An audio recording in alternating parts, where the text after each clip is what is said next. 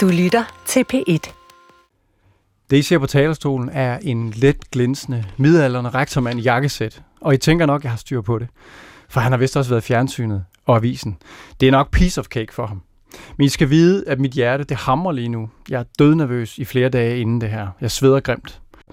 At jeg de første gange, jeg skulle holde dimissionstale, var ude at kaste op og fik hjælp til at håndtere min frygt og angst. At jeg en alder af 43 stadig er bange for at blive gennemskuet som ham, der grundlæggende ikke er klog nok til det her sted. Og hvis nogen havde sagt til mig, at jeg skulle blive rektor tilbage i 1990'erne, da jeg voksede op, så ville jeg have fået et angstanfald.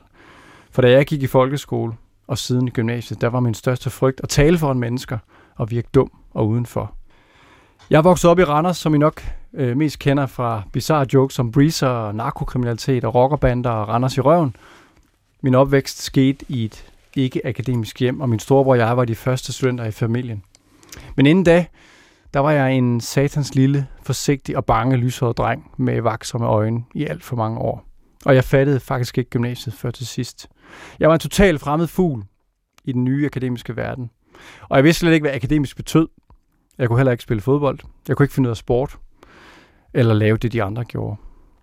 Så i mit eget hoved, så var jeg et akneramt freakshow på lange stræk og følte mig udenfor. Lige indtil jeg mødte en dansk lærer og en tysk lærer, som på trods af alt så noget i mig.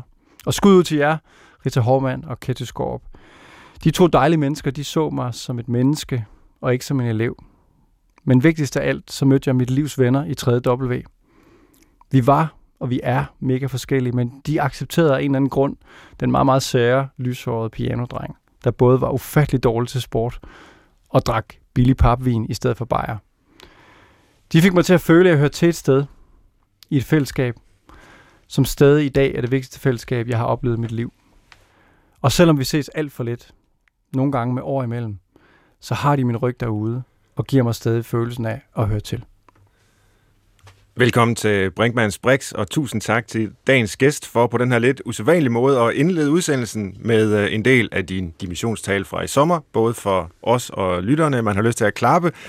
Det er flot, det er øh, flotte ord, og det er dine ord, Henrik Stockholm. Velkommen til. Tak. Du er rektor på Nyborg Gymnasium og har flere gange gjort dig bemærket i medierne, så nu glæder jeg mig til at høre om jeres arbejde med i Nyborg at lave en skole, hvor elevernes trivsel er højt på dagsordenen. Og jeg er ikke tilhænger af at øh, overdramatisere, hvad angår spørgsmålet om de unges liv. Det er noget, vi tit har taget op her i vores øh, lille mm. program. Men øh, Henrik, du har jo gennem dine mange år som øh, rektor set en hel del. Kan du her indledningsvis give et par eksempler på, hvor, hvor vidt det er kommet for nogle af jeres elever, så vi kan få sat mm. kød og blod på, på problematikken? Det kan jeg godt. Det kan jeg. Jeg, vil, jeg vil indlede med at sige, at, øh, at langt, heldigvis så langt de fleste af de unge har det rigtig godt. De er glade for at gå i skole, de er glade for hinanden, de er glade for livet øh, og skolen. Men, men øh, det er rigtigt, der er kommet en større gruppe, også i de syv år, jeg har været rektor, som har det værre. Den, den, øh, den alvorlige mistrivsel, den, den fylder mere. Det er ikke bare unge, som sådan lider af, af sådan klassisk øh, velsmert, øh, den unge værelses lidelser. Det er altså unge, som er ked af livet. Øh, unge, som er ked af at være her. Øhm, det er unge, som skærer i sig selv. Det er unge, der sulter sig selv. Det er unge, som, øh, som er invaliderende angste øh, for at komme i skole. Øh, og, øh, og det fylder mere og mere. Mm. Øh, og og vi, altså, jeg, kan, jeg kan nævne, at, at, at altså, inden for det sidste år, halvandet år, der har vi jo haft elever, som er blevet trukket ind fra, øh, fra en motorvejsbro af en borger, som har gået i skole bagefter, øh, som vi har som jeg har kørt ind på psykiatrisk skadestue. Vi har haft unge, som øh, ville tage deres eget liv på skolen.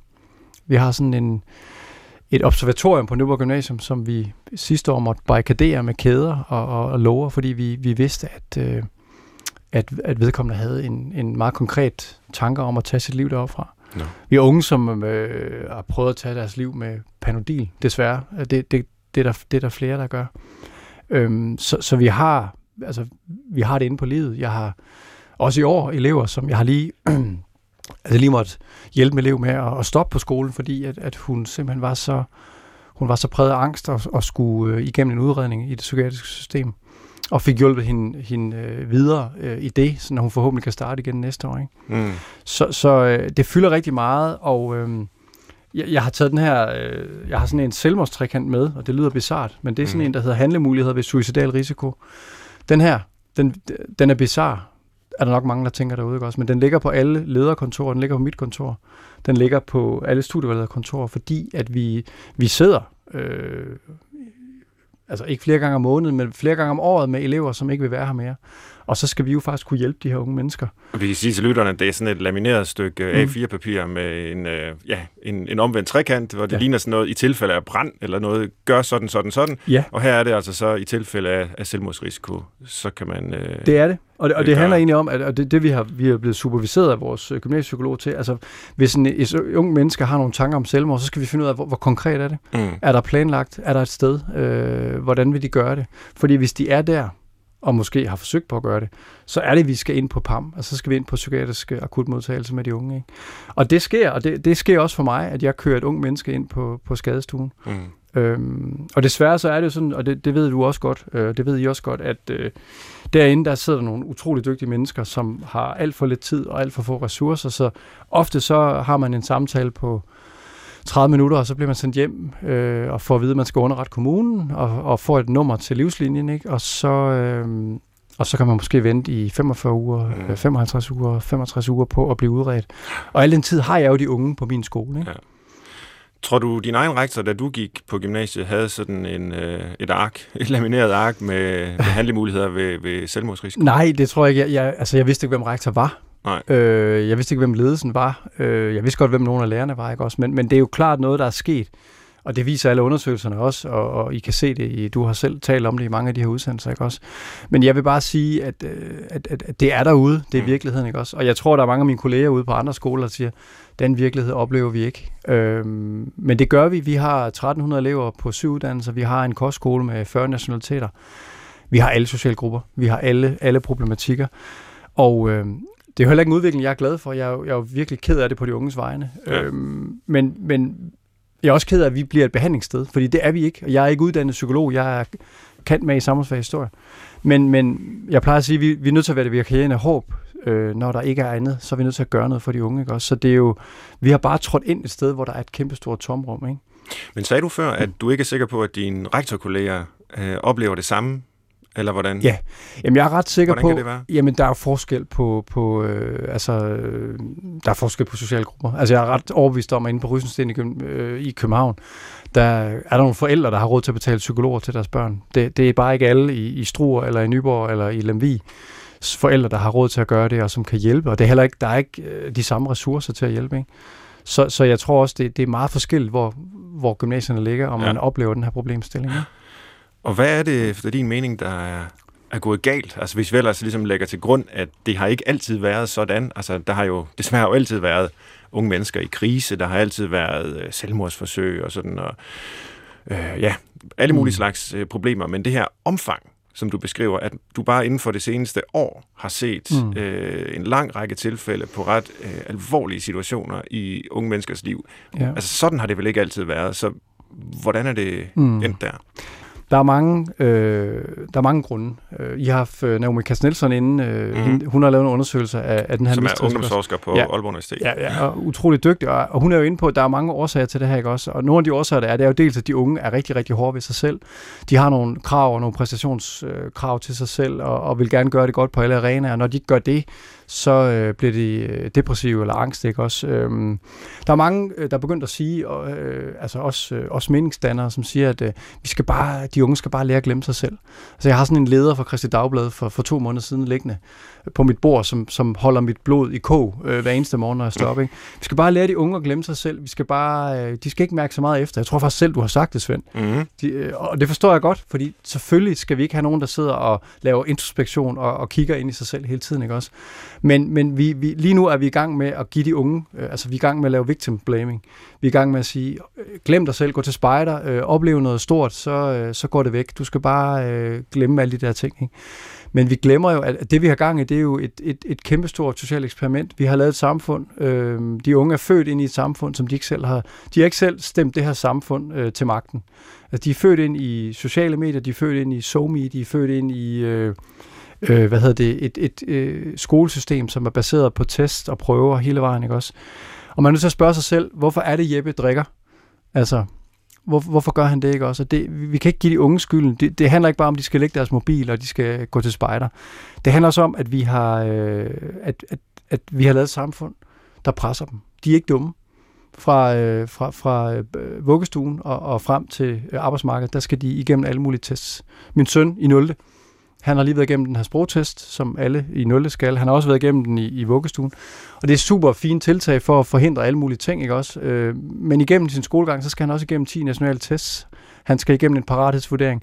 Han skal øh, have et øh, karaktersnit for at komme ind på øh, en ungdomsuddannelse, som man faktisk taler om, man vil hæve nu, hvilket er med til at øge det her pres, ikke også? Øhm, der er en diskurs. Øh, altså, det er som om, at skolesystemet er blevet sådan en afdeling af arbejdsmarkedet. Jeg synes, det er blevet sådan en konkurrenceudsat del af arbejdsmarkedet. Ikke? Altså, at man skal parat gøres til at komme videre til det næste skridt. Og det betyder også, at skolegang er blevet instrumentel. Øh, det er noget, I har snakket øh, meget om, men, men jeg ser det jo på de unge, og, de, og jeg taler også med de unge. Mm. Og det, der går galt lige nu, i forhold til det, der sker, det er, at man taler ikke ret meget med de unge. Man spørger ikke, hvordan de har det. Man siger bare, I skal bare I skal glemme jer selv. Ikke? Mm. Øhm, så der er noget i samfundet, der presser. Det her pres, de er ikke dumme. De ved godt, at når der er national test, min datter i, i 5. ved godt, når hun har en national test, at den bliver brugt til et eller andet. Den ved godt, at det bliver, det bliver benchmark med nogle andre elever. De ved det bare godt. Mm. Og det ved eleverne på min skole også. De ved også godt, når de skal til prøve i almen sprogforståelse efter to måneder på en ungdomsuddannelse, så betyder det noget. Ikke? Så der, der er lavet et system, reformer, som presser de unge. Men jeg tror, vi skal bore os lidt ned i det her med ja. at, at mærke efter i sig selv, fordi du har fuldstændig ja. ret i, det er noget, jeg har øh, fremført som faktisk en del af problemet, ja. at man øh, opfordrer de unge til at, at være introspektiv, som ja. du siger, og det er så ikke helt den, du vil være med på, og det, det forstår jeg godt, men, men der er alligevel noget der, altså hvor det er lidt sjovt, fordi du siger, at øh, når der står i, nu ved jeg ikke lige, øh, hvad det er for en leder i Christi Dagblad, men det, om den citerer mig, eller, nej, eller nej, hvad, nej. det er også ligegyldigt. Nej men, øh, men, men, men den holder dit blod i kog, fordi øh, den bebrejder de unge selv. Ja. Og det har i hvert fald aldrig været min intention. Øh, tværtimod, altså når jeg siger, at øh, der er en fordel ved ikke hele tiden at være indadskuende, øh, mærke efter i sig selv og den slags, så er det jo fordi de unge lever i et samfund, der, øh, som, som jeg forstår det, faktisk konstant opfordrer dem til det. Mm. Og vi mennesker har det bedst, når vi er en del af nogle øh, fællesskaber, en del af nogle aktiviteter, øh, som, som, som handler om noget, mm. som er vendt ud af mod verden, hvor vi synger i kor, eller spiller mm. fodbold, eller mm. spiller teater. Og når man er i verden på den måde, øh, og ikke bare sidder og kigger ind i sig selv, øh, så er det faktisk svært at have det dårligt. Mm. Øh, det er svært at have et angstanfald, det er svært at have en depression, når man er en del af noget, der er meningsfuldt mm. sammen med nogen. Øh, og, og, og det er nok der, det der billede med, man skal bare gå til spejder, så ligger. Det var vist også Mette Frederiksen, der fik sagt det på, på ja, talerstolen. Ja, ja, og det er jo også vildt provokerende, ikke? fordi der sidder forældre og har børn, der har det virkelig svært at, ja. på venteliste til en udredning, og så får de at vide, at de børn skal bare gå til spejder. Altså, det, der vil jeg godt til statsministeren i forsvar. Jeg tror ikke, det er de børn, hun har tænkt på, vel? Nej. Men som forældre kan man selvfølgelig godt blive provokeret af det. Ja, ja. Øhm, så Ja, nå, det var bare lige en lille forsvarstale på en måde, ikke? fordi ja, ja. Øh, spørgsmålet er, hvad er øh, årsag, og hvad er øh, virkning her? Ikke? Altså, mm, mm. du siger jo sådan set, hvis jeg hører dig rigtigt, og nu kan du få lejlighed til at udfolde mm, det, mm. at de unge øh, er, er for lidt optaget af, hvordan de selv går og har det. Og, og, og, og de udsættes for nationale test og karakterræs og sådan noget, og, og har ikke tid til at mærke efter i sig selv. Og hvor jeg siger lidt omvendt, nu prøver jeg bare at skære det lidt ud i pap, at ja, der er karakterræs, og der er nationale test, men når de unge så har det svært, så bliver de hele tiden sat til at mærke efter i sig selv, frem for faktisk mm. at vende sig ud mod den verden, de er en del af, og som har skabt det her problem. Er, mm. er det en rimelig måde at sætte øh, uenigheden op på?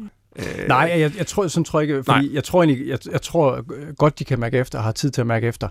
Det, jeg tror, det er, at vi har, vi har skabt et system, altså, hvor der er, mange, der er mange prøver, der er mange tests, der er en diskurs, som presser de unge. Ikke? Så jeg, mm. altså, jeg tror, vi skal, have, vi skal have færre prøver, vi skal ikke, vi skal ikke have parathedsvurderinger, vi skal ikke have, have test øh, hele vejen. Det tror jeg, det kunne være med til at tage, tage trykket af de unge. Ja. Øhm, ja. Altså, de, du nævnte jo Nomi Katznelson før, ja. og de der øh, ungdomsforskere fra, fra Aalborg Universitet, ja. de, de har jo flere faktorer, de peger på. Mm og det med øh, test og præstationskultur eller præstationssamfund er, er bestemt en, en væsentlig del, når man spørger mm. de unge selv, øh, hvad er problemet. Men en anden del er jo psykologiseringen, mm. øh, som er det, jeg også har knyttet an til, når jeg taler om ligesom sige, faren ved ja. at vende det indad. Faren ved at tro, at man løser de her problemer ved mm. at hvad ved jeg, dyrke mindfulness, være til stede i nuet, øh, mm, mm. tænke positivt, øh, mærke efter ja. i sig selv osv. Ikke? Jo. Det, det er jo en, en psykologiseret tilgang til et problem, som måske er strukturelt. Mm. Og som jeg forstår det, så risikerer man jo at forværre situationen for unge mennesker, når man bebrejder dem for noget, som måske hidrører fra de omstændigheder, de er en del af. Og der tror jeg faktisk, vi er enige. Ja. Jamen, det, jeg tror også, vi er enige langt hen ad vejen, helt ja. sikkert. Og jeg er også helt enig, altså noget, noget af det, som er formålet med min skole, og det, og det jeg laver, ikke, jeg, jeg, jeg plejer jo at, at sige, jeg plejer at citere Hannah Arendt, som jeg er meget begejstret for, jeg elsker det her citat, ikke? Ja. Al undervisning går ud på at få eleverne til at elske verden i en sådan grad, at de også øh, vil tage ansvaret for den, ikke? Ja. Og, øh, og det handler også om at, at gå, gå ud af sig selv og se, at verden er, verden er mere end løb på steg. Verden er større end dig selv, ikke også? Øh, Hartmann Rose, som du også kender, ikke også siger, at man skal have resonans. Altså det der med nogle sprækker af, af betydningsfuld genklang i ens liv. Og det, og det er jo fuldstændig rigtigt, som du siger. Vi skal jo, i skolens opgave er jo at få dem til at, at, at finde ud af, at livet er større. Se ind i evigheden en gang imellem. Ikke? Mm. Altså den gode undervisning, det gode fællesarrangement, det gode øh, øjeblik, hvor man mærker noget, fordi det er fedt, mm. fordi det er dejligt. Ikke? Altså, det er næsten religiøst. Altså, hvor man gør noget, fordi det har en værdi i sig selv, og ikke fordi, at det er instrumentelt. Ikke? Så det, jeg begræder, det er, at, at det er mm. blevet så instrumentelt, fordi de unge vil leve op til alle mulige krav øh, og, og, øh, og tidspres, og, og derfor så, når de går i skole i dag, så er der nogle af eleverne, der siger, jeg føler, at jeg er til eksamen hver eneste time. Mm. Selvom jeg har nogle ufattelig dygtige og søde lærere, der siger det modsatte, ikke, så føler de, at de skal præstere, præstere, præstere. Ikke? Og der ligger altså noget, både noget kultur og noget struktur, som Naomi Kass Nielsen også vil sige. Ikke også? Og, øh, og det er derfor, jeg så bliver provokeret af nogen, der siger, at I skal bare lære at, at, at, at glemme jer selv, fordi så synes jeg, man individualiserer øh, det her, ikke også? hvor man måske skulle sige, hey, vi er faktisk de voksne. Det er os, der har, altså det er os, der har skabt det her samfund. Øh, nogle gange skulle vi måske også være en lille smule mere autoritet, og ikke være lidt mere, øh, altså, ja, der mangler måske noget autoritet. Vi skal ikke være autoritære, men det der med at sige, der er faktisk noget, der er bedre end noget andet, og nu skal I gøre sådan. Mm. Ikke? Henrik, er der en oplevelse eller noget, der er sket i dit eget liv, der har gjort, at du har tænkt, øh, jeg skal simpelthen arbejde med unge mennesker og deres uddannelse og deres øh, trivsel. Det er det, jeg vil bruge mit arbejdsliv på. Ja, og det, det har jeg sådan tænkt lidt over. Der er jo, der er jo flere oplevelser, ikke også? Men, men det vigtigste for mig, det er nok dels min egen skolegang. Altså det jeg oplevede, øh, jeg har gået på Randers Statsskole, og, øh, og der oplevede, det, det var sådan en rigtig klassisk øh, latinskole, som vist også bliver kaldt staten ikke? Og, øh, mm. i dag, og, øh, og, og den er helt anderledes i dag. Ikke? Jeg havde nogle, øh, jeg havde, som jeg også sagde i min tale, ikke, nogle, jeg havde nogle få lærere, ikke? der var sådan lidt øh, John Keatings fra De Døde Poeters Klub over mm. Kvindelige John Keatings, ikke? Øh, oh Captain, my Captain. Ja, der, var, der var få af dem. Robin ikke? Williams. Yes, ja, lige præcis. Ikke? Ham dengang, ja. Ja. Det, og ellers så var der nogen, der kom, på, der kom ind og leverede noget undervisning og gik igen. Og jeg kendte, jeg vidste ikke, hvem rektor var. Jeg så ham aldrig. Jeg, jeg tror, jeg så ham til dimissionen. Ikke? Så det har jo påvirket mig i forhold til, hvordan jeg gerne vil... Jeg, jeg forsøger i hvert fald på at, at, at være noget andet. Ikke også? Og det, der har påvirket mig allermest, det er, at jeg allerede efter gymnasiet blev, øh, blev lærervikar på La Cour Skole inde i Randers. Mm-hmm. Øh, og havde en, øh, altså en fantastisk skoleleder derinde, som, som, som formåede at skabe de der resonansrum. Altså formåede at, og, altså han var sådan en, en stemmegaffel, ikke, der bare fik verden til at synge, øh, og fik øh, anden elever til at synge, og, og lavede fælles arrangementer, og altså der var jeg bare, der tænker bare, det er for fedt det her. Altså det er sådan, for mig så det der med, med, med børn og unge mennesker, det er sådan en, en permanent ungdomsforelskelse i virkeligheden. Altså jeg er, jeg er fuldstændig vild med dem, platonisk. Altså det, det, det er, jeg er virkelig, virkelig glad for unge mennesker, fordi de er, øh, hey, de sender ikke ting i udvalg, de sender ikke ting i kommissionen, og de siger, nu skal vi med at gøre noget ved det, Henrik. Ja. Og nogle gange er det naivt, og nogle gange er det håbløst, men, men, men de fleste af gange, så får de også andre havenisser til at, øh, at rykke os. Ikke? Altså jeg tror, man, man forbliver lidt yngre, hvis det er, at man arbejder med sådan nogle unge mennesker. Ikke? Mm. Så den der med, at jeg arbejdede med, med helt små elever øh, i, i tre år, inden jeg begyndte på universitetet, ikke? Øhm, min skoleleder, der, han skrev også til mig sådan næsten profetisk i sådan en udtalelse i 2001, at det ville være synd og skam, hvis øh, øh, Henrik han øh, blev en højt uddannet akademiker langt uden for børn og unges rækkevidde. Og, Nå, og, og, og det, var, det var jo flot, og, øh, og det, det er gået op for mig siden, at det, det er det, jeg skal. Det er mit kald. Så øh, altså, jeg, jeg, skal, jeg skal arbejde med børn og unge resten af mit liv. Ja. Og man kan jo høre på dig, at du brænder for det, og når man hører din tale, og når man har set dig i fjernsynet osv., så, videre, så kan man jo virkelig se, at det betyder rigtig meget for dig. Og ja, det er måske sådan lidt et ledende spørgsmål, men er du ikke bange for at brænde ud? Altså, fordi når man er så optaget af noget, der er så vigtigt for så mange mennesker, nu er det ikke, fordi jeg skal sidde mm. og gøre dig bekymret for din egen fremtidige arbejdssituation, men der, der ved vi jo bare fra alle mulige studier, mm. at risikoen er så rimelig høj, og jeg ved ikke, om man må sige det her, ellers kan vi klippe det ud, men du fortalte før vi gik på, at du også faktisk arbejder om søndagen. Ja. Øhm, jeg ja. ved ikke, om det er noget, du vil have offentligt. Jo, det vil jeg gerne. Okay. det er fair nok. øh, så, så, så du er virkelig engageret, ikke? Øh, ja. kan, kan du blive ved med at holde til det? Nu har du været rektor i syv år. Jamen, jamen, det tror jeg godt, at jeg, jeg egentlig ikke... Jeg har nok været bange for at brænde ud, ikke? Jeg blev også jeg blev sådan rektor over, over øh, en nat, hvor man lige vil sige, ikke også? Og, øh, og de første fem år, øh, jeg var rektor, der, der, der kiggede jeg på jobs. Fordi jeg synes, det var sindssygt. Jeg havde helt små børn, ikke? Og jeg var Ja, jeg var øh, jeg er jo grundlæggende et introvert menneske, selvom jeg ikke tror på det, som faktisk øh, også lavet op, inden jeg skal ind til Brinkmanns Brix, og, og bruger meget energi på det, ikke også? Men øh, jeg, kan ikke, jeg kan ikke forestille mig at skulle lave andet. Jeg kan simpelthen ikke forestille mig andre professioner, end det at arbejde med det her. Øhm, og så er jeg også, altså nu er mine børn blevet større og så videre, ikke også? Så jeg kan mærke, at, at det er noget af det, der, der tænder mig, der holder min ild øh, øh, oppe, ikke? Det, det, er, det er det her arbejde, ikke også? Mm. Og så er jeg nødt til at trække stik en gang imellem og, og lægge mig i fosterstilling og lade op, ikke? Men øh, det, nej, gør du, det gør du om lørdagen. Det gør som lørdagen. eller der, der er i zoologisk have, eller ja, ja. i biografen, eller noget, ja. ja. Du sagde, du blev rektor overnight. Hvad, ja. hvad ligger der i det? Jamen, der ligger det, at jeg var jo, altså jeg blev, jeg var, øh, blev vicerektor på Nyborg Gymnasium øh, ret tidligt. Jeg havde været leder et år på en lille skole, Midtfyns Gymnasium, øh, sådan en, en mellemleder der, og blev så vicerektor hos min, min søde chef, Trine Rein Knudsen, som var i gang med at fusionere skolen og, øh, og bygge om, og, og, og vi gik jo fra 800 elever til, til omkring 1300 elever, ikke også? Og i den proces, der, der blev hun syg, og, øh, og crashede. Mm. Og det betød jo, at, og det havde jeg ikke forstået med det der med vise, før at, øh, at jeg bestyrelsesformanden ringer og sagde, at nu var jeg rektor. Ikke? At, at jeg, altså jeg blev rektor overnight. Ja.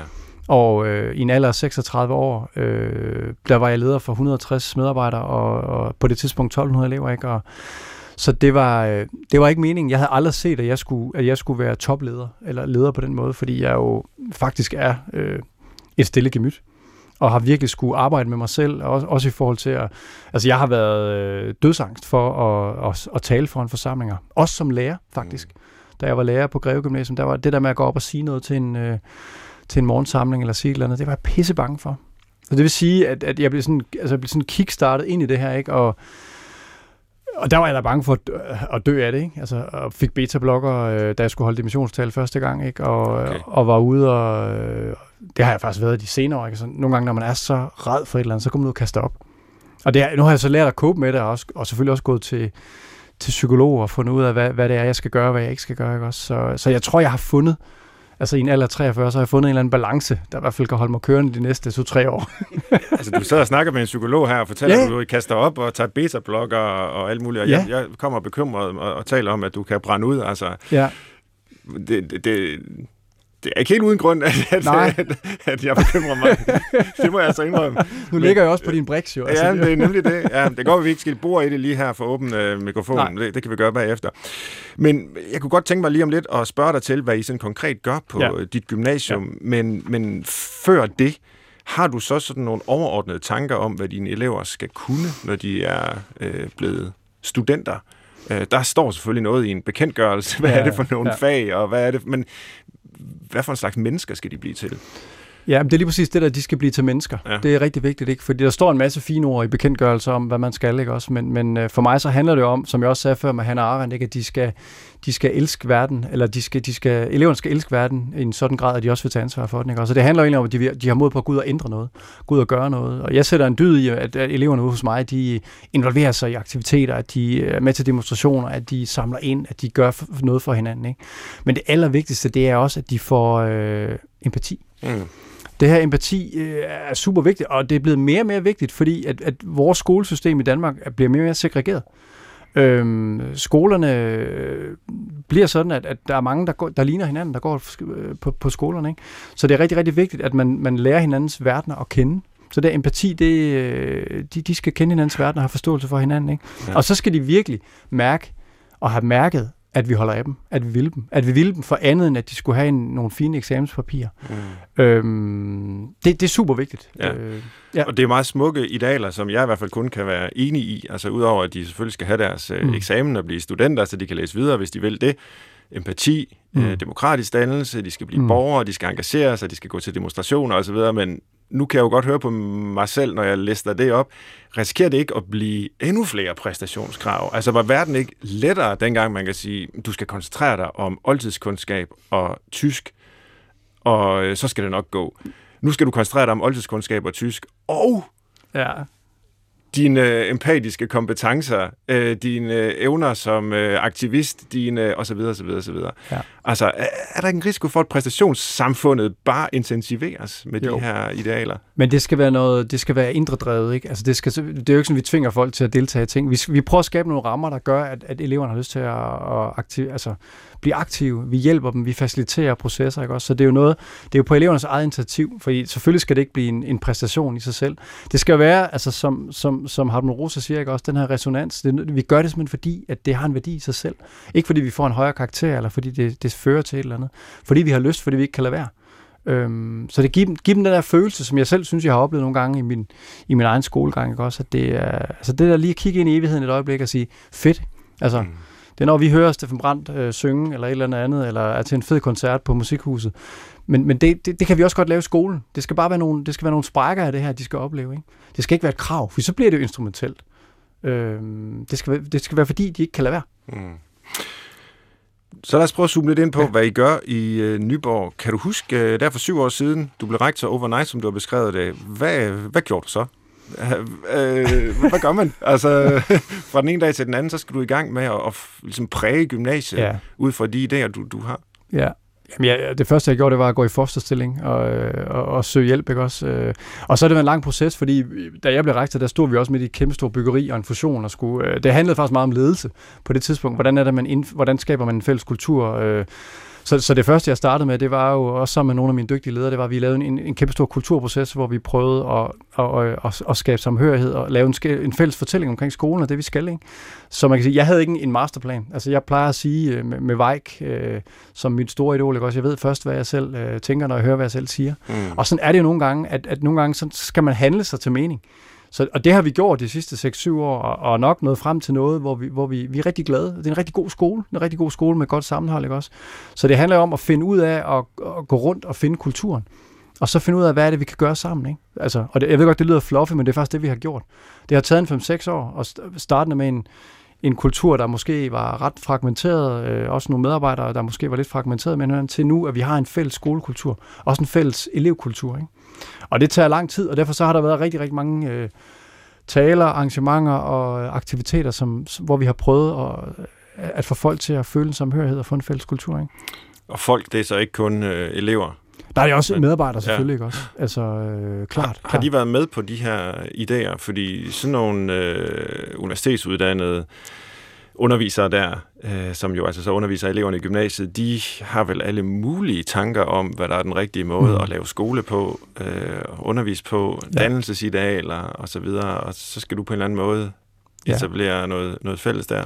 Jamen, jeg tror jeg tror bestemt ikke, alle har været enige i, i retningen øh, fra starten, men, men øh, det handler jo egentlig om, at man, hvis man kan skabe mening med det, hvis de kan se det i deres, at det giver mening i deres undervisning, i deres hverdag, og de kan, altså jeg tror faktisk, der er mange medarbejdere, der er stolte af at være på Nyborg Gymnasium i dag, fordi vi har også noget særligt, vi har en særlig kultur, øh, men det får man ikke overnight, det tager syv år, mm. ikke? altså det gør det. Øhm, så det er, jo, det er jo små, det er sådan en inkrementel udvikling, jeg har været igennem, ikke også? Øh, og det er jo ikke bare mig, der har, altså det er, det er jo kloge mennesker. Det er jo ikke rektor på Nyborg Gymnasium, der har lavet alle de her ting. Det er jo medarbejdere, der har givet inputs. Vi har jo vendt organisationen fuldstændig om og omkalfatret den. Altså demokratiseret den totalt, så det er medarbejdere, der bestemmer det meste på skolen. Ikke? Og det har også det har taget en 5-6 år at lave den demokratisering.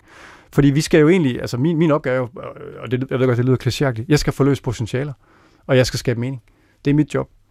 Men kan du give nogle eksempler på ja, de tiltag? Ja, altså for eksempel så det, som, som jo nu er meget op i medierne, ikke, at vi nogle skoler indfører øh, hvad hedder det, mobilfri skoletid og firewall og sådan noget. Det, det har vi jo haft, vi, det, det kører vi på på fjerde år nu. Mm-hmm. Og det startede jo egentlig med et, en psykologiteam, en lærer, der havde nogle elever, som underviste dem i, hvad betyder det egentlig, at I bliver afbrudt hele tiden?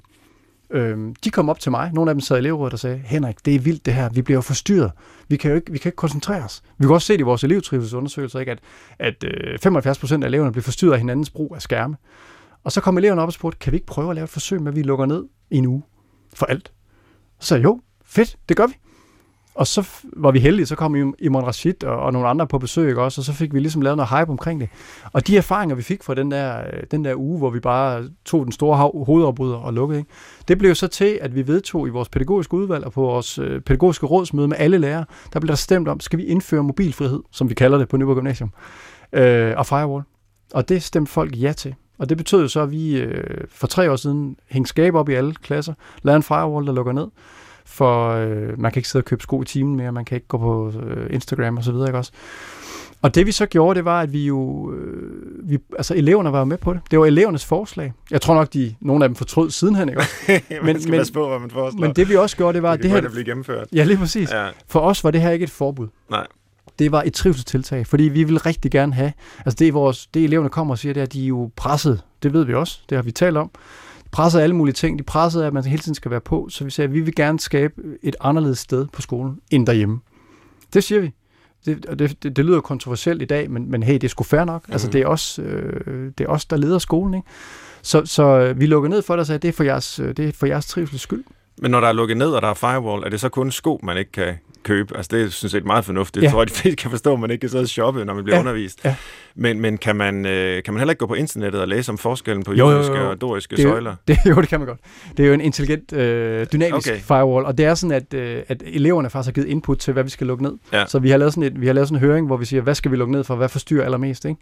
Øh, og faglærerne siger så, øh, på, i VØ på HHX, der skal vi altså bruge nogle sider med et eller andet, så der er vi nødt til at have åbent. Ikke?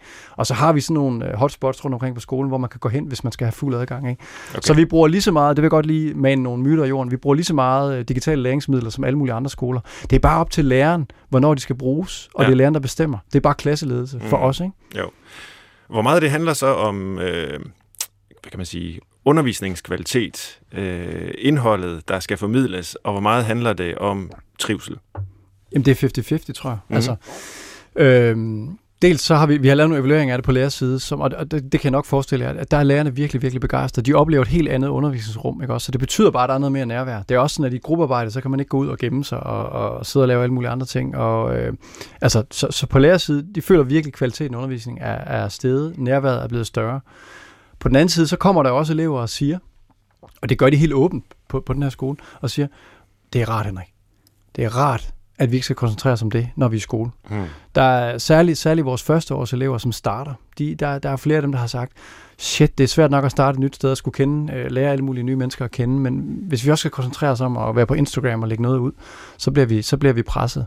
Så de siger, det er fedt, det er simpelthen fedt. Det, øh, det fjerner ansvaret for os, det vil sige, at vi kan, vi kan få lidt mere fred i undervisningen. Så for mig er det, er det både øh, fagligt, men det er, altså, for mig handler det også om at give de unge hjerner ro, ikke? Ja. Øh, har indført decideret sådan trivselsfremmende, at du ved, det der trivselsord, mm. det kan betyde rigtig mange forskellige ting, men det er ligesom blevet en del af måden at beskrive øh, problemet ja. på. Vi kalder det mistrivsel, og så ja, ja. fremmer vi trivselen, men, men hvad har I gjort der? Jamen, vi har, altså i, i kølvandet på det her med, med mobiler, øh, der har vi indført, øh, hvad hedder det, vi kalder det NG-laser. Og det vil sige, at vi har en gang om ugen, sidste år var det to gange om ugen, men der sidder man, øh, der skal man i, i 45 minutter øh, have noget skønlitteratur med. Det er jo, vi kender det alle sammen fra vores børns skolegang øh, mm. i grundskolen. Ikke? Vi har sagt, en gang om ugen, der skal man simpelthen køle hjernen ned, og så skal man læse noget, man har lyst til.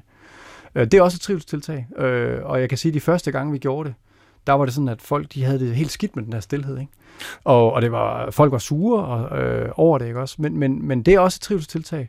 Altså, og så også for få mennesker, der læser for øvrigt, ikke? Men, men øh, det handler om at køle dem ned. Og så har vi jo ved siden af alt det her forsøgt at lave en masse øh, aktiviteter efter skoletid. Fordi vi siger, at Nyborg Gymnasium, det er ikke bare, øh, det er ikke bare 8-15, og så er det hjem. Det er et kulturhus, det er også et sted, hvor man skal skabe fællesskab. Så vi har øh, øh, imellem 25 og 35 afterskoleaktiviteter, som vi kalder det. Øh, man kan gå til rugby, man kan gå til strikning, man kan gå til skak, man kan gå til makerspace, man kan gå til, vi har en klatreklub inde, øh, som vi samarbejder med, man kan gå til, man kan sejle på SOPS nede i, nede på stranden, øh, man kan gå til musik, man kan gå til po- poesi, man kan gå til alle mulige forskellige ting. Så det vil sige, at man efter skoletid øh, kan være sammen på tværs af alle de uddannelser, vi har, og få skabt fællesskab. Og i virkeligheden, apropos resonans, ikke også, at finde nogle sprækker af, af, af, af betydningsfuld genklang, hvor man møder hinanden om noget, som ikke handler om karakter og om skole. Mm. Så, det, så det er også øh, et trivselstiltag. Du nævnte før Hannah Arendt øh, og citerede hende og talte om, at øh, man skal have kærlighed til verden. Mm. Øh, altså, hvilken rolle spiller det her øh, kærlighedsbegreb, når man laver skole hos jer på Nyborg Gymnasium?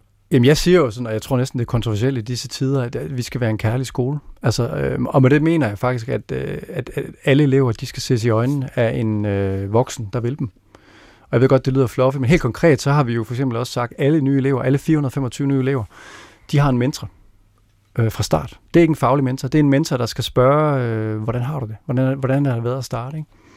Øhm, det er for mig en kærlig skole. Jeg tror, man kunne løse mange øh, af verdens problemer ved, at, øh, at man så de unge i øjnene og spurgte dem, hvordan har I det? Mm. Øhm, fordi de unge, og det, det er det, der er sket, ikke også? De unge er blevet lidt dårligere til at fortælle deres forældre, hvordan de virkelig har det, ikke? Øhm, de vil ikke belemre dem, de vil ikke fremstå som på en bestemt måde. Så, og så derfor så tror jeg, det er rigtig godt, at vi har sådan en, en, øh, en ventilfunktion, at man kan tale med en voksen, der vil dem. Så vi har efteruddannet halvdelen af alle lærere som, øh, som mentorer i virkeligheden. Mm-hmm. Øh, og, og det handler for mig om altså kærlighed, kærlighed ved, at man, man bliver set og hørt, og man bliver taget alvorligt, og at der er nogen, der lytter. Og så betyder det så også, at vi kan, vi kan få nogle af de unge, som har det rigtig svært, dem som er i alvorlig mistrivsel, dem kan vi jo ret hurtigt få, få, få øh, givet noget hjælp også. Mm. Men er det rigtigt, at vi er blevet, eller unge mennesker er blevet dårligere til at fortælle, hvordan de har det? Altså hvis jeg tænker tilbage på mit liv, altså jeg har haft en, en, en, en dejlig relation til mine forældre, men jeg har da aldrig siddet som ung sådan og åbnet mit hjerte for dem. Det gik jeg da med til, det ved jeg kammerater. Til gutterne? ja, ja, hvis der var et eller andet. Øhm, Ja, det, det ved jeg. Det ved jeg, det er. Og det er også, altså jeg har, øh, altså jeg taler faktisk med mange elever. Ja. Øh, min studievejleder taler mange elever, mine ledere taler mange elever, lærerne taler mange elever, som, ja, de, er blevet, de vil ikke, øh, altså det, apropos præstationssamfund, ikke også, så vil de også overfor deres forældre signalere, at de har styr på det, at de, øh, de, de får passet deres ting, at de, de, det kører fint, de har masser af venner, de har et fint øh, job efter skoletid og sådan videre. Ikke også? Mm-hmm. Jeg tror også, de unge er bange for at skuffe deres forældre. Øhm, og derfor så, så forældrene er blevet sådan kørt en lille smule ud på et tidsspor, og, og så mange elever går faktisk til deres lærer, eller går til en leder, eller går til mig, ikke også? Og fortæller om de her ting. Så der, der er sket et eller andet. Og så er forældrenes rolle, det er blevet sådan lidt, det er blevet sådan lidt at løse problemer. Altså, øh, for de unge. Ikke? Hvis de får en, en lav karakter, hvis de får en, et brev om, at nu, nu får de altså snart en advarsel for deres fravær, eller hvis der er et eller andet problem, så forældrene vil løse problemerne. Så, så, går de, så kan de kæmpe for deres øh, børn på den der måde, ikke også? Hvor man måske godt, altså, jeg er selv forælder, og jeg, er total køling, men, men nogle gange kunne man godt ønske sig, at, at, at forældrene tager autoriteten på sig, ikke? Og, og anviser en retning og siger, det der med søvn, det der med sociale medier, det der med, altså sætte nogle grænser for de unge, ikke? Mm. Øh, det, altså, det er også det, vi faktisk siger på skolen, ikke? at læreren er en autoritet. Vi står ved, at læreren er en autoritet. Læreren er ikke autoritær. Der er faktisk noget, der er bedre end andet. Du har beskrevet nogle af de tiltag nu. Øh, læsning og øh, mm. firewall, så man ikke kan shoppe ja. og være på sociale medier i timerne osv. Men kan du give et eksempel på sådan et øjeblik måske, hvor du tænkte, okay, det her det virker virkelig. Altså, vi rykker eleverne i en, mm. i en god retning, ikke bare fagligt, men også menneskeligt, om hensyn til, hvordan de går og har det. Jamen, der er mange. Altså, øh, dels så kommer der jo, altså sjovt nok, så er eleverne er meget ærlige, når de er til fest på skolen, og der, der er jeg jo altid ja. med til alle festerne, og ja. så, så, så er der jo sådan nogle store, store hertebrede, lidt, lidt mutte gutter, der kommer hen og vil have en krammer, og så siger de, det er godt, det er sgu godt det her, de, de er glade for skolen. Ja. Og der er også, altså jeg har oplevet, at, øh, at elever vil diskutere litteratur til fester. altså, nu har de læst den her bog, fordi at det her, det, det er fedt, ikke? Jeg har også oplevet, at, øh, jeg har også oplevet det her med, at, at selvom jeg er nødt til at hjælpe en elev med at blive meldt ud fra skolen, hvis jeg oplever, at de så kommer det rigtige sted hen, øh, hvis jeg oplever, at de får hjælp i, i, øh, i psykiatrien, eller hvor de nu skal have hjælp, ikke? Også, så, så giver det jo sindssygt god mening, ikke? Og så når jeg er til, altså, til fællesarrangementer, når der bare er, når, når vi lige ser ind i evigheden et øjeblik, ikke? Eller når eleverne øh, engagerer sig i Røde Korsindsamlinger, eller demonstrerer for en øh, klassekammerat, eller hvad de nu gør, ikke også? Så der, der, der er mange, øh, mange momenter, ikke? Mm. Men øh, altså, grundlæggende så hver morgen, når jeg går ind på skolen, og jeg ser, øh, eleverne kommer, så giver det bare super god mening. Ja. De er glade. Jeg bliver nødt til at, som ja. tilrettelægger her, bryde ind, og, og så bare lige, for jeg tænker, der må også sidde en anden gear på, på, på gymnasium og tænke, ham, ham der, vores rektor, He's full of it. Der er godt nok mange, gode, der er mange gode idéer. Ja. Men jeg har, måske har man bare lyst til at sidde og gemme sig lidt, og egentlig ikke være med i noget, eller mm. måske synes man, at øh, det er et præstationsræs, bare på en anden måde, mm. eller hvad ved jeg nu, mm. en anden giver kunne sidde og tænke, hvad så, øh, du kan jo ikke nå det hele, og I kan ikke nå alle, og det har du også fortalt om, der er stadigvæk øh, folk, der ikke har det super godt. Mm, Hvordan tager du det ind, eller kan du forholde dig til det? Ja, det kan jeg sagtens forholde mig til. Og der er jo ikke, altså, det lyder også som om, at vi er sådan en sekt, der bare tonser derud af, ikke også? Men, ja. Og det lyder nok også... Du skal også passe øh, på som sektleder, men ender altid... Ja, det er det, det, er det. Ved du, der, der, der er jo ingen tvang. Det, her, det, det gode ved det her, det er, at, at det er jo elevernes egne initiativer. Det vi så bare siger på den her skole, er, at det skal vi simpelthen, øh, de skal have en hånd i ryggen. Vi, vi, øh, vi støtter alle skøre, krøllede idéer, hvis, hvis eleverne kommer med dem. Ikke også? Der er ikke nogen, der siger, at du skal være med i det her afterskole-tilbud, øh, du skal gøre sådan og sådan. Man kan sagtens gemme sig og være, og være den, man lige præcis har lyst til. Ikke? For jeg tænker, du gemte dig jo i Ja. tre år på gymnasiet. Ja. Øh, og, og måske også fem år på universitetet næsten. Ja, meget. Og så har du blomstret op senere hen, hvis man kan sige det sådan. Ja, very late bloomer. Very late bloomer. Men hvad er sådan... Øh, det er fordi, jeg kommer til at tænke på, om der er sådan en arketypisk elev, der også bliver skabt. Så måske Mm. også finder man lidt på, hvad er det for nogle mennesker, der skal komme ud af det her. Og, Mm. og der, der, der tænker jeg om, hvor når man kommer med så mange gode intentioner, kan man så virkelig også rumme alt det, der måske ikke lige passer ind i den i den, øh, den øh, demokratiske udsynede øh, Jamen det kan borger. man sagtens, og man kan sagtens få lov til at passe sig selv. Man kan sagtens få lov til at være sig selv. Øh, altså, øh, folk kommer jo nogle gange i skole i badekåben ned fra kostskolen, og altså, det, det, det er ikke... øh, Det er ikke så voldsomt, som, som det måske lyder. Stritter det lidt på dig, eller hvad? Det stikker på mig. Det stikker på mig. Ja. Ej, men, men der, er, der er jo plads til at være, og, og det er også det, vi siger til øh, orienteringsaftener og i alle mine taler, ikke? Også, at det, vores skole er mega mangfoldig. Altså, vi har fandme alt. Vi har alle sociale grupper, ikke? Og man skal have lov til at være sig selv. Men hvis man har nogle idéer, man gerne vil realisere, så skal man også have hjælp til det, ikke også? Øh, det der er pointen. Man skal ikke ind i en eller anden præstationsmølle, hvor man skal alle mulige ting og være på og alt muligt andet. Man skal have lov til at være sig selv, for fanden. Hmm. Svend, hvordan har du klaret dig som første års første G'er på Nyborg Gymnasium? Jamen, øh, ja, det, det er faktisk et godt spørgsmål. Jeg tror måske, jeg har var lidt ligesom øh, Henrik. Øh, også sådan lidt øh, en, der på mange måder holdt mig lidt for mig selv, og ikke var med i så frygtelig meget, så udviklede det sig øh, stille og roligt. Øh, så jeg kan godt følge dine spørgsmål. Øh, nu spiller vi også djævelens advokat herover fra Christoffer og min side jo, Ja. men, men, men det der med, altså, skal, er der en rigtig måde ligesom, at være på som øh, elev på gymnasiet? Øh, Skal man deltage i de der ting?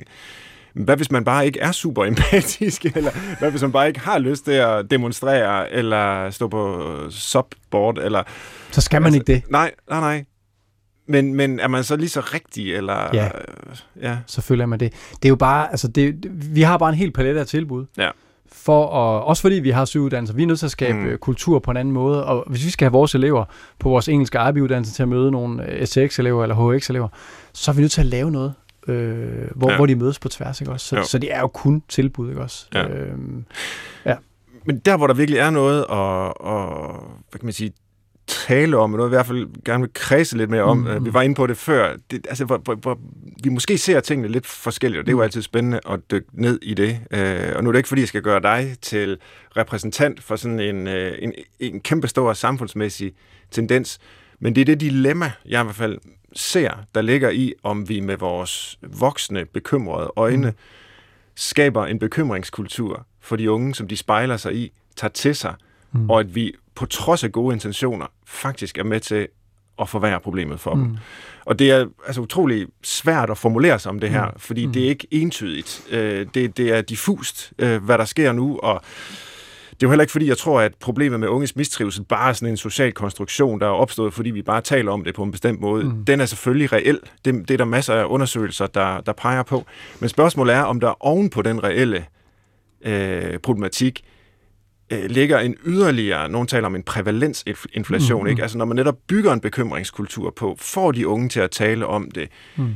De udfølger ikke bare... Øh, øh, hvad hedder sådan noget, øh, test i, i dansk og matematik, men også mentale helbredstest, Mm. øh, forholder sig hele tiden til sig selv Mm. gennem den der øh, optik.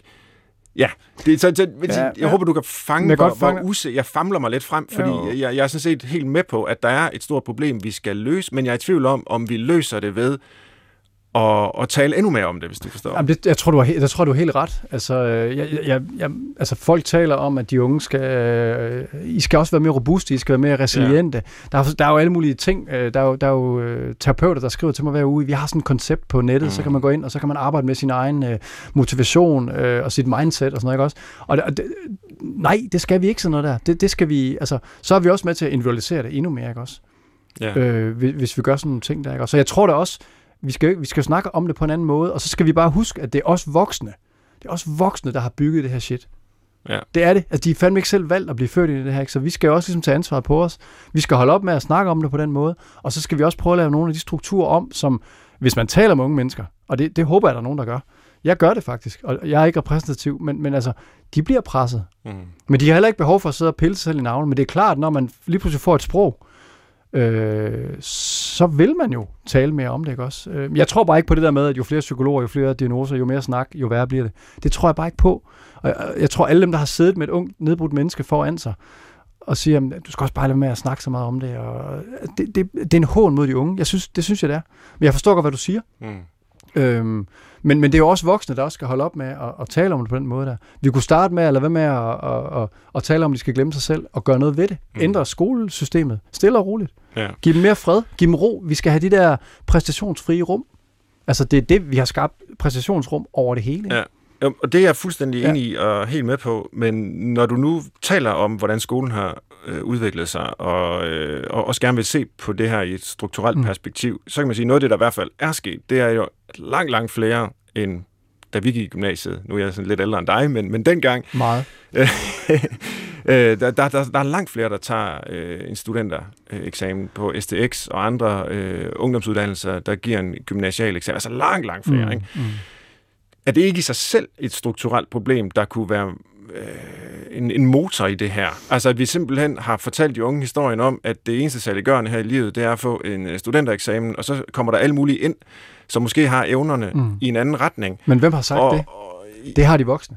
præcis. Det har mor, det Jamen, har lærerne, det har... Jeg er fuldstændig Ja, enig. ja. Men, men det burde vi jo så måske løse ved at, at, at have færre ind. Og nu var du kritisk før over for, at der mm. skulle være adgangsbegrænsning til, øh, Mm, til, mm. til gymnasiet. Men det vil måske afholde nogen fra at komme ind et sted, hvor de vil få en masse nederlagserfaringer, mm. og, og måske kunne de have haft et, et langt bedre øh, ungdomsliv Ja, i måske. en anden retning. Ja, jeg er bare bange for, at det ender den, det ender, det ender den, øh, vender den tunge ende ned af det her, fordi at, at det her karakterkrav, altså jeg kan sige fra min egen skole, så var der omkring 400 studenter i sommer. 100 af dem var ikke kommet ind, eller var, var slet ikke kommet ind på min skole, øh, hvis det var sådan, at, vi havde det her syvtal, som bliver fremført i medierne faktisk i dag, ja. Som adgangskrav, ikke også? Og det er altså, øh, det vil ramme drengene, det vil ramme øh, unge mænd af anden etnisk baggrund, det vil ramme totalt skævt, det vil øge uligheden. Syv er også et højt... Øh, Jo, men det, er- det, det er jo det, der er på, på bjerget lige nu, det man snakker om. Måske sex, ikke også? Så det vil så øh, alligevel gøre noget. Jeg synes bare, det er en fuldstændig, fuldstændig bagvendt måde at gøre tingene på. Hvis man vil ændre retningen på unges uddannelsesvalg, så skal man jo skabe nogle attraktive uddannelser. Mm. Altså det her, det er jo sådan ligesom at sætte en prop i og sige, øh, øh, så skal jeg op på erhvervsuddannelserne. Ikke? Hvorfor ikke? Altså, Nyborg Gymnasium er også en erhvervsskole. Mm. Hvorfor ikke bare lave de fedeste erhvervsuddannelser, som man ikke kan lade være med at vælge? Hvorfor ikke bygge det op på den måde, i stedet for at lave det her? Fordi jeg er bange for, at det her det skaber endnu mere pres ned i grundskolen, og det gør det, og det ved vi, at hvis man hæver karakterkrav, så sker der noget ned i, i 6., 7., 8. klasse, ikke også? Og så, så har vi igen lavet noget strukturelt, som er med til at fremme en præstationskultur, en usund kultur, ikke også? Mm. Og så er jeg bange for, at der er altså en intelligentia reserve derude, og det kan godt være, at man, man ikke, øh, personligt, hvis man spurgte mig i 7. klasse, øh, om, om hvad jeg skulle, og så på min karakter, så var jeg skulle heller ikke komme i gymnasiet. Altså, men, men rigtig mange drenge, de, de, blomstrer jo fandme, når de starter på gymnasiet. Mm. De lærer koderne, ligesom jeg selv gjorde, ligesom I selv gjorde, ikke? Og jeg er bare bange for, at man lukker nogen ude, øh, som egentlig vil klare sig rigtig, rigtig godt og få en god uddannelse, ikke? Ja. Jeg er ikke, altså jeg er jo både en erhvervsskole og, en, og et øh, almindeligt gymnasium, ikke også? Så jeg vil ikke stå og sige, at det ene er bedre end det andet. nej. Jeg synes, alle uddannelser er lige gode. Jeg er fuldstændig ligeglad med, hvilken uddannelse. Ikke? Men det der med at lave karakterkrav, det smadrer alle. Det smadrer alt. Mm. Nu er vi ved øh, det er, øh, hvad hedder det, djævelens advokatspil, eller jeg ved ikke, hvad, hvordan jeg skal sige det. Og, og der har jeg bare lyst til også at sige, øh, fordi jeg sidder på universitetet, og vi får de unge mennesker øh, fra mm. ungdomsuddannelserne. Øh, og vi har jo ikke helt det samme, øh, som, som man har på gymnasierne, for eksempel på Nyborg Gymnasium, med, med aktiviteter efter Mm. mm. øh, studiet. Vi lukker ikke ned for internettet. Vi stiller jo større krav til selvforvaltning, fordi de er blevet ældre, de er Mm. blevet voksne, de har måske gjort sig nogle livserfaringer og alt muligt. Så vi, vi, vi modtager dem på en anden måde. Mm. Mm. Kan der være en risiko for, som du ser det, at øh, I, I bliver en slags curlingskole? Øh, nu var du selv kritisk over for curlingforældrene, men kan en skole ikke også pakke de unge mennesker for meget ind i vat, så de ikke øh, for eksempel kan klare kravene, når de så kommer videre i uddannelsessystemet? Jo, men jeg synes ikke, jeg synes ikke vi pakker dem ind i vat. Altså, jeg, jeg synes, vi laver en... en Det var en journalistisk stramning, jeg ja, det, Christoffer. øhm, Du er ved at lære det, Svend, efter ja. mange år. Det er, det er jeg glad for. at Du tager mit arbejde nu. Ja, det er godt. Nej, det, det, det synes jeg virkelig ikke. Øh, Nej. Jamen, det, det er jo et spørgsmål om, altså, hvordan ruster man bedst de unge mennesker mm. til, til livet, som jo også indbefatter øh, dels et øh, arbejdsliv, hvor de skal kunne klare sig med en, en, en dårlig chef øh, ja, og til stilling ja, ja. der, men også et øh, studieliv, hvor de skal, mange af dem jo mm. læse videre, øh, hvor, hvor der ikke er de samme øh, trivselsfremmende tiltag, mm. øh, de samme understøttende aktiviteter, fritidsaktiviteter mm. øh, osv. Altså, det er jo ikke, fordi der ikke er noget af det på, på universiteterne, mm. det er der jo. Mm øh, og andre videregående uddannelser, men, men jo slet ikke i det omfang.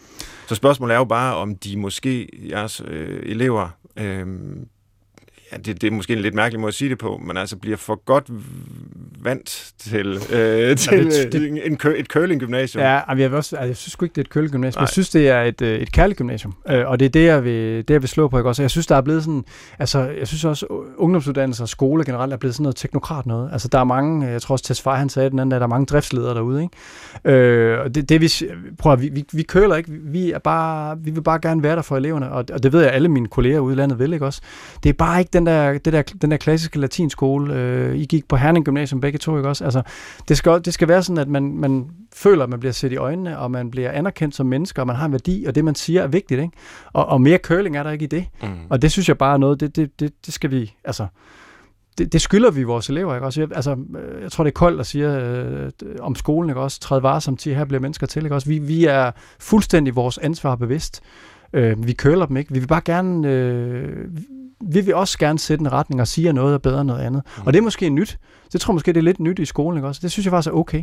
Mm. Øh, og så skal eleverne gøre det, de har lyst til. Vi har ikke uh, så mange minutter tilbage, Henrik. Jeg kunne tænke mig at lave en lille krølle på dagens udsendelse ved måske at vende tilbage til noget af det, du nævnte helt i begyndelsen, da du uh, holdt noget af din uh, divisionstale fra juni mm. uh, måned her i, i studiet også, og en virkelig fin tale, og jeg synes, det er bevægende, og jeg synes, det er inspirerende. Og øh, jeg kom sådan til at tænke på den her øh, tilgang, hvor du lægger ud med at fortælle om din egen usikkerhed, og du har også fortalt yderligere her mm. i samtalen om, øh, hvor, hvor svært det har været for dig at tale i forsamlinger osv. Mm. Der er sådan en slags øh, tendens i, i tiden til at åbne op, når man faktisk har succes med, at det har været svært for en. Mm. Øh, jeg tænkte lidt på Tobias Rahim, da du, øh, du, du er sådan lidt af uddannelsessystemets uh, Tobias Rahim, hvis der jeg må faktisk, være så fri. Svend, der er faktisk nogen, der har kaldt mig øh, rektorernes Svend Brinkmann. Jeg ved ikke, hvordan, Nå, hvordan man skal... jamen, det, jeg, tror, det, var, jeg tror, det var pænt ment. Jamen, uh, det håber vi. Men det er, det er det også, når jeg siger Tobias ja, Rahim. Ja. Han er jo en kæmpe, fantastisk uh, popstjerne, talerør for alle mulige uh, problemer i tiden. Han har virkelig succes, han ser godt ud, og så taler han åbent om angst og usikkerhed og alle mulige problemer. Men det, jeg så alligevel gerne vil pille lidt i, Henrik, det er, om der ikke også er et tvirket svær i det. Altså, skal man virkelig være Tobias Rahim eller Henrik, rektor på Nyborg Gymnasium, for at kunne tale om det på, på den her måde? Øh, det er ikke et klart formuleret spørgsmål, jeg har, men det er ligesom et eller andet... Det, det, det er, altså, selv det at kunne tale om problemerne mm. bliver en form for privilegium, øh, som ikke alle har. Mm. Det er jo ikke, fordi man så skal stoppe med at tale om det. Tobias Rahim mm. må gerne øh, tale om, at mænd skal græde osv. Mm. Du, du må gerne fortælle om, hvor, hvor svært det er øh, mm. at, at stille dig op på en talerstol osv. Det er bevægende, det er inspirerende, jeg mener det 100%. Mm. Men kan der ikke også være et eller andet i, det skal være på den rigtige måde, ligesom I gør det? Jo, det kan man godt. Jo, altså, jo, det, det falder mig bare... Det er jo også først noget, jeg har gjort efter den her tale, den holder jeg jo, øh, det, det er jo først efter, det er syvende gang, jeg holder en tale, ikke også? Så siger ja. prøv at I skal vide, jeg, jeg skulle også, altså, sorry venner, og det lyder grimt i radioen, jeg var ved at skide i bukserne, da jeg skulle holde den første tale, ikke? Ja. Altså, øh, for mig har det været meget naturligt at sige det, ikke også? Også fordi jeg ved, at, at Øh, det ved dem, der er tæt på mig, at, at, at det, det, det skulle... Øh, jeg har selv valgt det, det har jeg. Øh, men, men det har også været...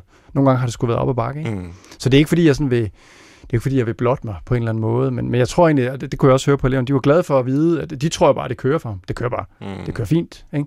Bare ja. for at sige til dem, prøv at bag, bag ved, altså jeg er jo også et, et liv hver eneste lørdag, ikke? Altså, så det er egentlig for at sige, det, prøv at, selvom man kan, man kan præstere øh, i radioen på, i 45 minutter, eller i et eller andet tv-klip, så kan man også godt være rystende nervøs, ikke også? Så det, mm. det tror jeg, der er mange, der var lettet over. Ja.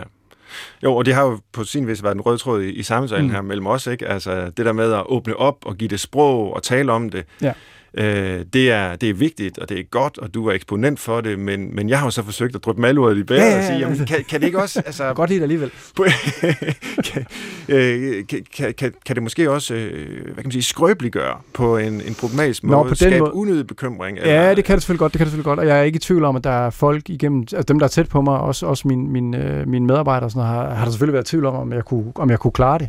ja. Men altså, det, det, øh, det Det har, ja, og jeg tænker også på de elever, der lytter til det her. De kan på den ene side Ja, ja, jo ja. Ja. Øh, høre, der fortæller om det og sige, okay, når rektor Henrik han, øh, har det svært, så, så er det også okay, jeg Ja, har det svært. ja, ja. Men omvendt kan de også tænke, når selv rektor Henrik har det Ja. svært, fuck man, så klarer jeg den aldrig. Men hey, det der med voksne kan også være bange, ikke? Det synes Ja. jeg, det sgu da vigtigt at sige, fordi ellers så, så går man jo rundt som unge mennesker og tror, det hele det kører bare i olie for dem. Prøv at se dem, det kører bare. Det sgu da vigtigt at vide. Det vil jeg da ønske. Altså, jeg har da også læst om folk, der er rystende nervøse i min egen, i min egen stilling og andre jobs, ikke også? Og det har simpelthen hjulpet mig så meget at vide, at prøv at, der sad altså en leder der, han var, han var ved at dø af det. Ja. Øh, det, det, jeg, altså det er egentlig det er for at hjælpe, for jeg synes selv, det har været befriende. Ja. Ikke? Jo. Og det, det, jeg tror bestemt også, det har den effekt Mm. mm. på, på mange, men som alt muligt andet her i livet, så kan det jo vendes og drejes, og det Ja, har vi så ja. gjort. Og tusind tak, øh, Henrik, for at du har bidraget øh, til det her i samtalen. Vi skal lige nå vores traditionsrige liste, før vi runder helt af. Tre gode grunde til at ønske sig tilbage til gymnasiet i Randers i 90'erne. ja. Der gik du på gymnasiet på, på Staten. På Staten. Øh, statsskolen i Randers, øh, Ja. som du har fortalt om. Ja. Øh, og øh, når man som jeg altid synes, at det var bedre i gamle dage, hvad det jo selvfølgelig ikke var, øh, har du så grund til at ønske sig tilbage? Jamen 90'erne, det var fedt. Det Ja. var det. Jamen det har jeg, og det, og det som jeg også sagde i min tale, og også har sagt, ikke også mine venner. Altså jeg, jeg ses sjældent med dem, ikke også, men, men jeg vil godt lige sende et skud ud til Annette, Birgitte, Glenn og Morten og Kent og Jacob, ikke også. Og hvis I hører det, så vil jeg bare sige, at jeg elsker jer. Øhm, musiktimerne på, på staten. Det var, prøv høre, det var fantastisk. Vi sad og scrollede til Jeg plukker forløjelsesgræs, og en af mine øh, kammerater, Kenneth, der, han, han drillede musiklæreren ved at putte, putte sangbøger ned i strengene nede i flyet, ikke også? Og sådan noget. Det, det var simpelthen så sjovt, ikke? ja. og, og, det, og det tredje, det er, og det, du bor jo i Randers, Det er korrekt. Tante Olga. Ja. Tante Olga nede i Storgade klokken 5 om morgenen, når de spiller, når de sætter New York, New York på med Frank Sinatra. Ikke? Der, det har jeg simpelthen øh, danset kinddans med min, min meget høje ven Jakob mange gange til. Ikke?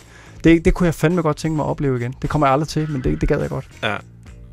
Det er jo virkelig gode grunde i det hele taget, ja, til at ønske sig tilbage, også bare til Randers. Øh, når man sidder her. du er velkommen altid, øh, Henrik, til en kop kaffe i, øh, i Kristrup. Jeg kommer.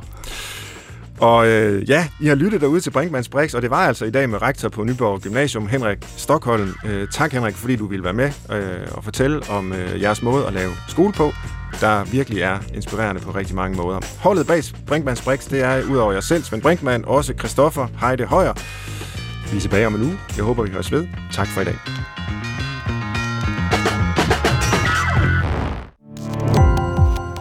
Gå på opdagelse i alle DR's podcast og radioprogrammer. I appen DR Lyd.